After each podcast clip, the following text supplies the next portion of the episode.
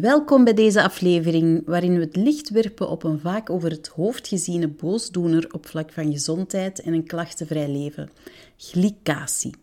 Ik ben Valérie Pas, ortomoleculair therapeut, en in deze aflevering duiken we dieper in op wat glycatie is, hoe het optreedt en waarom is het dan zo cruciaal om je bloedsuiker in toom te houden.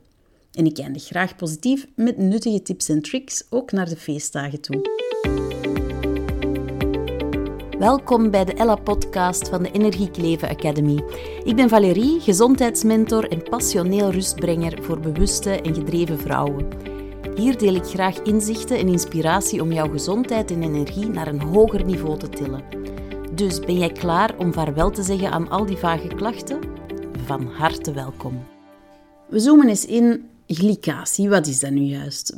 Beeld je in dat je met een microscoop je lichaam induikt door de bloedbaan, waar allemaal deeltjes glucose, fructose stromen.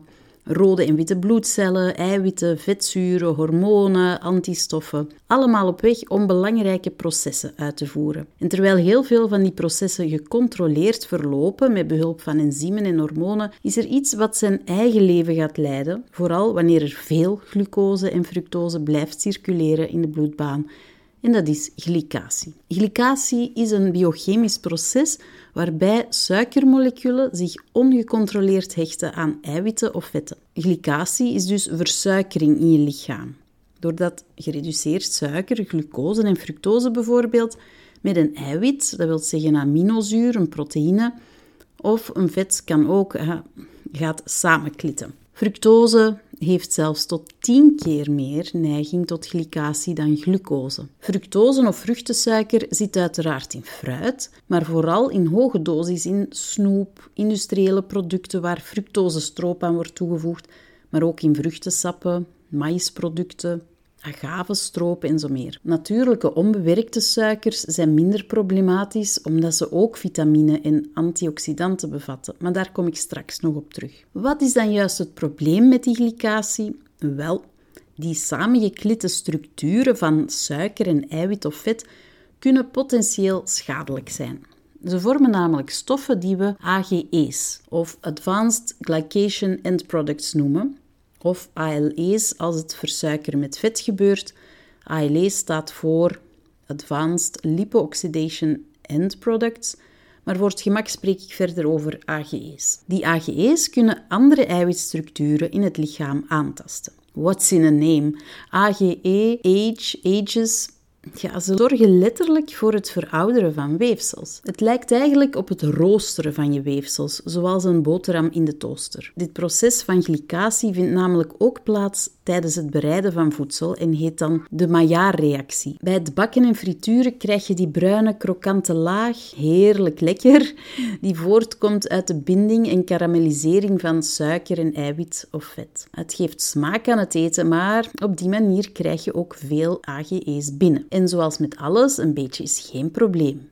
Ons lichaam is gewend om met AG's om te gaan, die van nature ook vooral in vis, vlees, noten en zuivel voorkomen. Maar dat is voeding die de mens en zijn voorouders al heel lang tot zich namen. Dus we zijn dat gewend. We kunnen daarmee om. Het is door de overmaat aan AGE's die we binnenkrijgen, door de moderne eetgewoontes en nieuwe bereidingsmethodes van de voedingsindustrie dat het echt een probleem wordt. Nu, voordat je begint te panikeren, er is goed nieuws op komst. Ik geef je zo een aantal superwaardevolle tips om dit proces tegen te gaan. Zo hang in there, niet panikeren. Maar denk nu eens even terug aan dat stuk geroosterd brood. Die structuur is echt essentieel en meestal ook onomkeerbaar veranderd. Zo kunnen ook AGE's binden aan eiwitten, zoals onder andere collageen in de huid of bindweefsel, waardoor rimpels ontstaan. Of hechten ze aan hemoglobine. Dat is een eiwit in je bloed dat zuurstof van je longen naar de rest van je lichaam vervoert. En de afvalstof koolstofdioxide brengt het van de bloedbanen naar je longen, zodat je het kan uitademen. Versuikering van die hemoglobine zorgt dus voor ook verhoogde oxidatieve stress. Dat wil zeggen bad nieuws voor je cellen. Deze hemoglobine is ook een belangrijke marker om te kijken hoe ver de schade van het hoge bloedsuiker reeds gevorderd is. En men kijkt dan naar de waarde HbA1c. Mensen met diabetes zullen dat wel kennen. Het verhaal gaat door, want de AGE's produceren sterke vrije radicalen die in onze cellen, de celwanden, mitochondriën, dat zijn de energiecentrales, in onze DNA kunnen beschadigen. Ze verlagen dan ook nog eens de aanmaak van antioxidantenzymen die net die zuurstofvrije radicalen onschadelijk moeten maken. Je ziet dat daar een probleempje kan ontstaan. En belangrijk voor iedereen die graag wat kilootjes kwijt wil, AGE's verstoren de samenwerking tussen onze honger- en verzadigingshormonen, ghreline en leptine. Je gaat dus vaker willen eten, meer honger ervaren en ook moeilijk kunnen stoppen met eten. By the way, een van de positieve effecten die mijn mentees vaak melden nadat ze suikers en koolhydraten gaan beperken, is dat ze na een tijd minder honger ervaren en beter tussendoortjes kunnen achterwege laten. Een win-win dus, want hun energie verbetert, hun lichaam kan eindelijk vet verbranden en er zijn minder van die vervelende AGE's aan het circuleren. Want AGE's kunnen bijvoorbeeld ook de ooglensstructuren aantasten, wat leidt tot verminderd zicht en uiteindelijk staar of cataract. Ook hart- en bloedvaten kunnen als het ware verstarren. Je kan het vergelijken met een elastiek waar de rek uitgaat. Die wordt broos en minder veerkrachtig. Dat gebeurt dan ook met je weefsels. De zenuwcellen hebben er ook van en inflammatie verhoogt in het lichaam en brein, waardoor ze nu in verband worden gebracht, die AGE's, met neurodegeneratieve aandoeningen zoals Alzheimer en dementie. Bovendien kunnen AGE's interageren met bepaalde receptoren, zoals insulinereceptoren wat de normale celfunctie en energiehuishouding verstoort. Het zet dan eigenlijk een negatieve spiraal in gang, waarbij je cellen verminderd reageren op de insuline die glucose in de cel wil krijgen. Hierdoor heb je een verhoogde bloedsuiker, minder energie in de cellen en meer kans op AGE-vorming. Onder normale fysiologische omstandigheden ontstaan AGE's ook, maar heel traag. En het lichaam heeft allerlei mechanismen om zich van de AGE's te ontdoen met behulp van enzymen, antioxidanten en verschillende afvoerpathways via de nieren bijvoorbeeld. Het grote probleem ontstaat vooral bij regelmatig te veel glycatie en te weinig antioxidanten. Het domein van de AGE's kent eigenlijk nog veel geheimen, maar toch zijn er wel voldoende bewijzen dat ze betrokken zijn bij echt tal van ouderdomsgerelateerde stofwisselingsstoornissen en chronische ontsteking. Dus, even samenvatten. Glycatie verwijst naar versuikerde eiwitten en kunnen de aftakeling van weefsels en organen in gang zetten. Denk aan veroudering van de huid, verslechterde ogen en een verhoogd risico op chronische aandoeningen. Ons moderne voedingspatroon, rijk aan snelle koolhydraten en suikers, veroorzaken schommelingen in de bloedsuikerspiegel, waar ons lichaam zich in feite niet aan verwacht. Wanneer de bloedsuiker hoog is, is de kans op een reactie van zo'n glucosemolecuul of fructosemolecuul met een eiwit- of vetmolecuul het grootst. Dus als je voeding eet waarbij de bloedsuiker sterk stijgt, zal de meeste glycatie kunnen optreden. Dat effect wordt versterkt wanneer het lichaam niet goed in staat is om de bloedsuiker te laten dalen, zoals in het geval van insulineresistentie en diabetes. Maar het gebeurt ook bij mensen die dat nog niet hebben. Wanneer de oxidatieve stress sowieso al hoog is bij iemand door een ongezonde leefstijl, door roken, te veel alcohol, te lage inname van antioxidanten, dan is de kans op schade nog groter. Goed, je hebt hem al door. Focus op de bloedsuikerspiegel is hier cruciaal, ook voor niet-diabetici. Ik neem aan dat jij als vrouw streeft naar een goede energie, om optimaal aanwezig te kunnen zijn in je bedrijf en je gezin. Je wilt dromen en doelen halen op lange termijn. Dus daarom is een stabiele bloedsuiker en een goede energiehuishouding essentieel. De verleiding is vaak groot, vooral onder werkdruk, om naar snelle suikers te grijpen voor een snelle energieboost. Maar ik hoop dat je door mijn betoog al iets meer overtuigd bent dat dit jou uiteindelijk alleen maar zal gaan tegenwerken. Goed, we komen het stuk het goede nieuws. Wat kan je nu doen om de glycatie te vertragen en de schadelijke effecten te minimaliseren?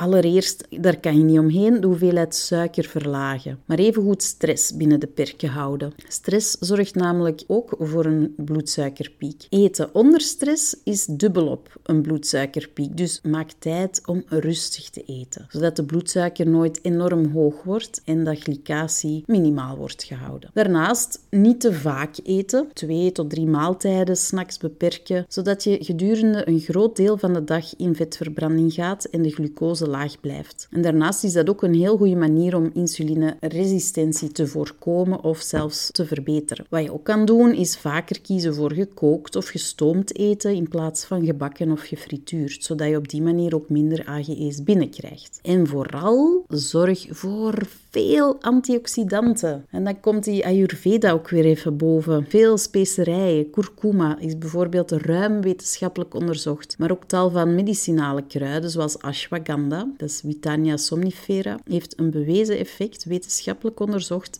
En het is vergelijkbaar met metformin. Metformin wordt aan diabetici gegeven om de bloedsuiker te verlagen. Wel, ashwagandha heeft een vergelijkbaar effect en zorgt ook voor het verminderen van de binding tussen AGE en collageen. Dus een heel, heel krachtig kruid. Maar ook alle bladgroen, kleurrijk fruit en groenten, donkere chocola. Die hebben allemaal krachtige antioxidanten die helpen om glycatie te verminderen. Blauwe bessen, witte en groene thee. Dat zijn allemaal super antioxidanten. Daarnaast toont onderzoek ook aan dat intermitterend vasten aanzienlijk de hoeveelheid AGE doet dalen en de schade beperkt. Goed nieuws dus, hè? Nu enkele tips met de feestdagen voor de boeg. Hoe kan je dat nu gaan aanpakken? Want dan gaan we normaal iets meer rijkelijk eten. Maar ook dan zijn er dingen die je kan doen. Ik geef je graag enkele praktische maatregelen die je kan nemen voor de aankomende feestdagen. Tijdens uitgebreide maaltijden is het slim om vezelrijke voeding eerst te gaan eten. Dan eiwitten en vetten en als laatste je koolhydraten. Soms is dat niet helemaal um, te onderscheiden, maar wat je kan doen is iets gaan toevoegen. Bijvoorbeeld eerst een vezelrijk voorgerecht. De vezels vertragen de opname van suikers, waardoor pieken in de bloedsuiker lager zullen zijn. Denk aan voorgerechtjes zoals salades, soep, groentesticks met hummus als hapje of gegrilde groenten met tahini of geitenkaas, gemarineerde courgetten met gerookte zalm. Dat zijn zo'n aantal klassiekers. Uit een hapjesassortiment haal je de eiwitbron er eerst uit en je eet je suikers eigenlijk als dessert. Een andere effectieve strategie is intermittent fasting, ja, wat niet alleen de spijsvertering een deugdoende pauze geeft, de lever wat rust geeft, maar ook de insulinegevoeligheid en dus je bloedsuikerregulatie zal verbeteren. Heb je dus een zware maaltijd gehad, drink dan daarna een beetje gember en kurkuma thee. Ga voor een rustige avondwandeling, zodat ook die te veel aan bloedsuiker op die manier kan weggewerkt worden door de zachte beweging. En zorg daarna voor een voldoende lange vaste tijd van minstens 12 tot 16 uur als je het kan. En maak met kerst eens een lekkere mocktail met antioxidanten zoals gember en granaatappel. Maar vooral geniet van je eten en van de gezelligheid. Zo, dat was hem weer voor vandaag. Bedankt voor het luisteren naar deze aflevering over glycatie en bloedsuiker. In mijn praktijk zet ik de continue suiker suikeranalyse in om heel duidelijk in kaart te brengen wat voor jou persoonlijk nodig is om je voeding, beweging en stress te verbeteren. Nu, voor degenen die klaar zijn om serieus te investeren in hun gezondheid, hebben Biometric, het bedrijf waar ik ben samenwerk voor die analyses en ik zelf een speciale aanbieding. Als jij beslist om in januari 2024 te starten met mijn 12 weken traject, het Inbalans Bootcamp Gold, dan ontvang je een korting van 30 euro op het traject. Je kan dat boeken met de code 2024. Volg de link hieronder in de show notes of boek een Balance Boost call voor een eerlijk advies of het iets voor jou is. En hopelijk is 2024 de van een stralend gezond jaar. Tot de volgende keer en keep on shining. Bye!